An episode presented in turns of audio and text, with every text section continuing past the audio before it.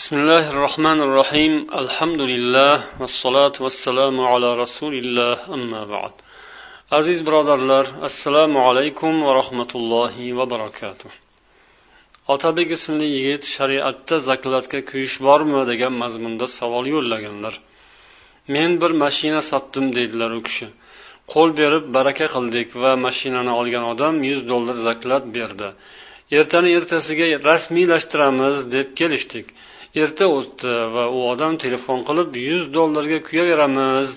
Bir muammo chiqib qoldi deb mashinani olishdan qaytdi.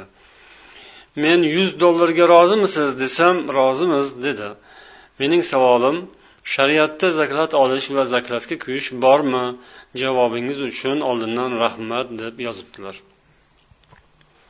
Zaklat so'zi ma'lumki aslida ruscha so'z ammo o'zbekchalashib ketgan. Bu zaklat so'zini ruscha o'zbekcha lug'atiga qarab ko'rsangiz garov deb tarjima qilishgan. Ammo odamlar garov deganda boshqa narsani tushunishadi. Shuning uchun mana shu o'rinda zaklat degan so'zni ishlatish joiz bo'lsa kerak vallohu alam. Savolda so'ralayotgan zaklat arabchada arbun urbun urban kalimalari bilan keladi. Endi bu borada ulamolarning fatvolariga fikrlariga nazar solamiz. barcha jumhur ulamolar ya'ni to'rt mazhab ulamolari arbun savdosini mumkin emas deyishgan ya'ni zaklatni o'ziga olib qolishni mumkin emas deyishgan va bunga hujjat qilib ibn mojah rivoyat qilgan hadis أن النبي صلى الله عليه وسلم نهى عن بيع العربون payg'ambar sollallohu alayhi vasallam arbun savdosidan qaytardilar degan hadisni keltirishadi Ya'ni zaklatni o'ziga olib qoladigan qilib savdolashiladigan savdodan rasululloh sollallohu alayhi vasallam qaytardilar degan hadis. Ammo hambaliy ulamolar arbun savdosini joiz deb bilishgan va mana bu hadisni esa zaif deb sanashgan. Endi mana bu borada biz demak qadim ulamolarning fikrlarini eslab o'tdik. uchta mazhab ulamolari bu xil savdoni taqiqlashgan ammo hambaliylar joiz deb sanashgan bugungi kundagi ulamolar fatvo hayatlarining bu boradagi nuqtai nazarlariga ham murojaat qilamiz اللجنة الدائمة للبحوث العلمية والإفتاء ilmiy tadqiqotlar va fatvolar bo'yicha doimiy kengashning bu boradagi fatvosida urbun jaiz deb aytishadi Ya'ni arbun savdosi joizdir. Bu degani sotuvchi odam mushtariydan mana shu mol uchun ozgina miqdorda pul olib qolishi.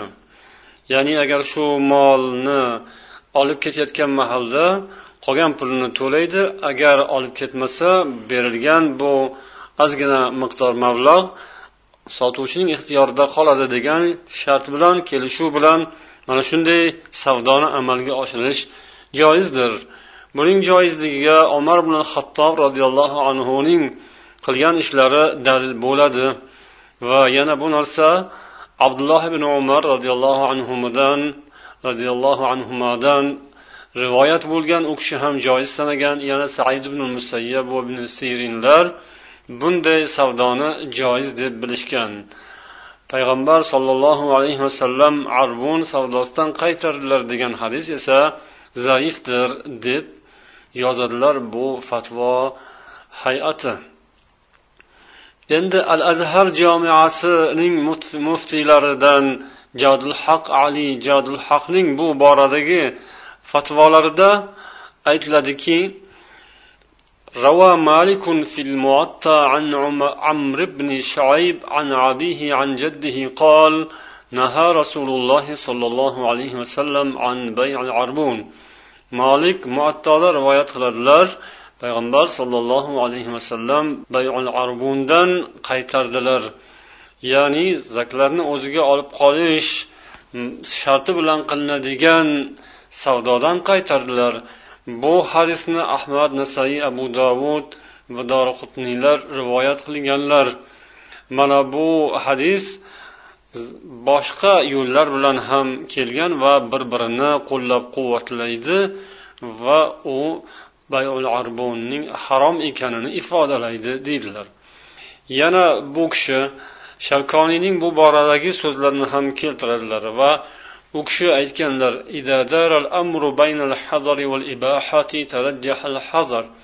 agar bir ish ham joiz ham mumkin emas degan masalaga taqalib mana shu ikki hukm o'rtasida turib qoladigan bo'lsa unda mumkin emas degan tomoni ustun bo'ladi. Ehtiyotkorlik yuzasidan mumkin emas degan tomonni olinadi deydilar. Yana mana shu azhar jamiasining muftiylaridan atiya saqr rahimaulloh bu kishining bu boradagi fikrlari esa biroz farqliroq u kishi yozadilar bir ming to'qqiz yuz to'qson yettinchi yilda chiqargan fatvolarida لشراء شيء أو استئجاره يرجع فيه إلى اتفاق الطرفين biror narsani sotib olish yoki ijaraga olish maqsadida oldindan tayyorgarlik qilib beriladigan mablag' arbun ya'ni zaklat bunda ikki tomonning kelishuviga qaraladi. Yoki ana shu odamlar yashayotgan muhitdagi urfu odatga qaraladi.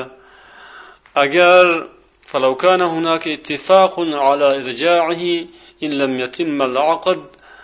agar o'sha yerda kelishuv bo'yicha ikki tomon savdo amalga oshmasa bu zakrat pulni qaytarasiz deb kelishgan bo'lsalar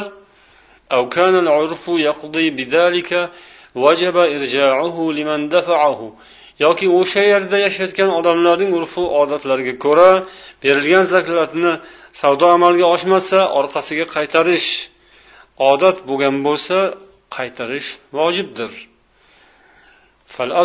Ittifoq demak bu yerda asl qoida ittifoq kelishuv yoki odamlarning urfu odatlari agar urfu odatlarida zaklatni berib qaytarmaslik savdo bitmasa qaytarmaslik odat bo'lgan bo'lsa o'sha odatga amal qilsa bo'ladi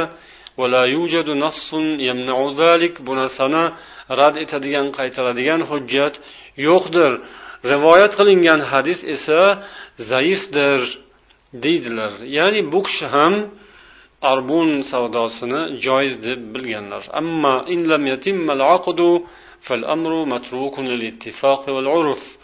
bu borada ish ittifoq odamlarning o'zaro kelishuvlariga qoldiriladi yoki urf odatga qoldiriladi. Bu borada rivoyat qilingan nahiy qilingan hadislarga esa bu kishi o'zini munosabatini aytib o'tdi. Yana xulosa sifatida aytamiz agar savdo amalga oshmasa va sotuvchi o'rtadagi zaklatni qaytarsa bu taqvoga muvofiqroq ish bo'ladi. Modomiki shunday bu borada ijtihodlar va ixtiloflar mavjud ekan. Jumhur ulamolar arbonni olib qolishni zaklatni o'ziga olib qolishni joiz emas deyishgan ammo ba'zi bir ulamolar esa joiz deyishgan ekan. Shu ishga kirishmasa ya'ni zaklatni o'ziga olib qolmasdan qaytarsa bu o'zining dili xotirjam bo'ladi va bu taqvoga muvofiq ish bo'ladi. Alloh taolo uning ishini barakasini beradigan zot bundan bo'lmasa boshqadan olloh o'zi uning ishiga rivoj bersin barakasini bersin haloliga baraka bersin. Ammo tortishuvli narsalarda inson o'zidan shu narsani uzoq qilgani avlo. Ammo kimki meni molimni savdodan qolishiga sabab bo'ldi man qancha ziyon ko'rdim zarar ko'rdim deb zakotni o'ziga olib qoladigan bo'lsa bu ayrim ulamolarning fatvolariga ko'ra joiz ish bo'lgan bo'ladi vallohu alam. Vassalomu alaykum va rahmatullohi va barakatuh.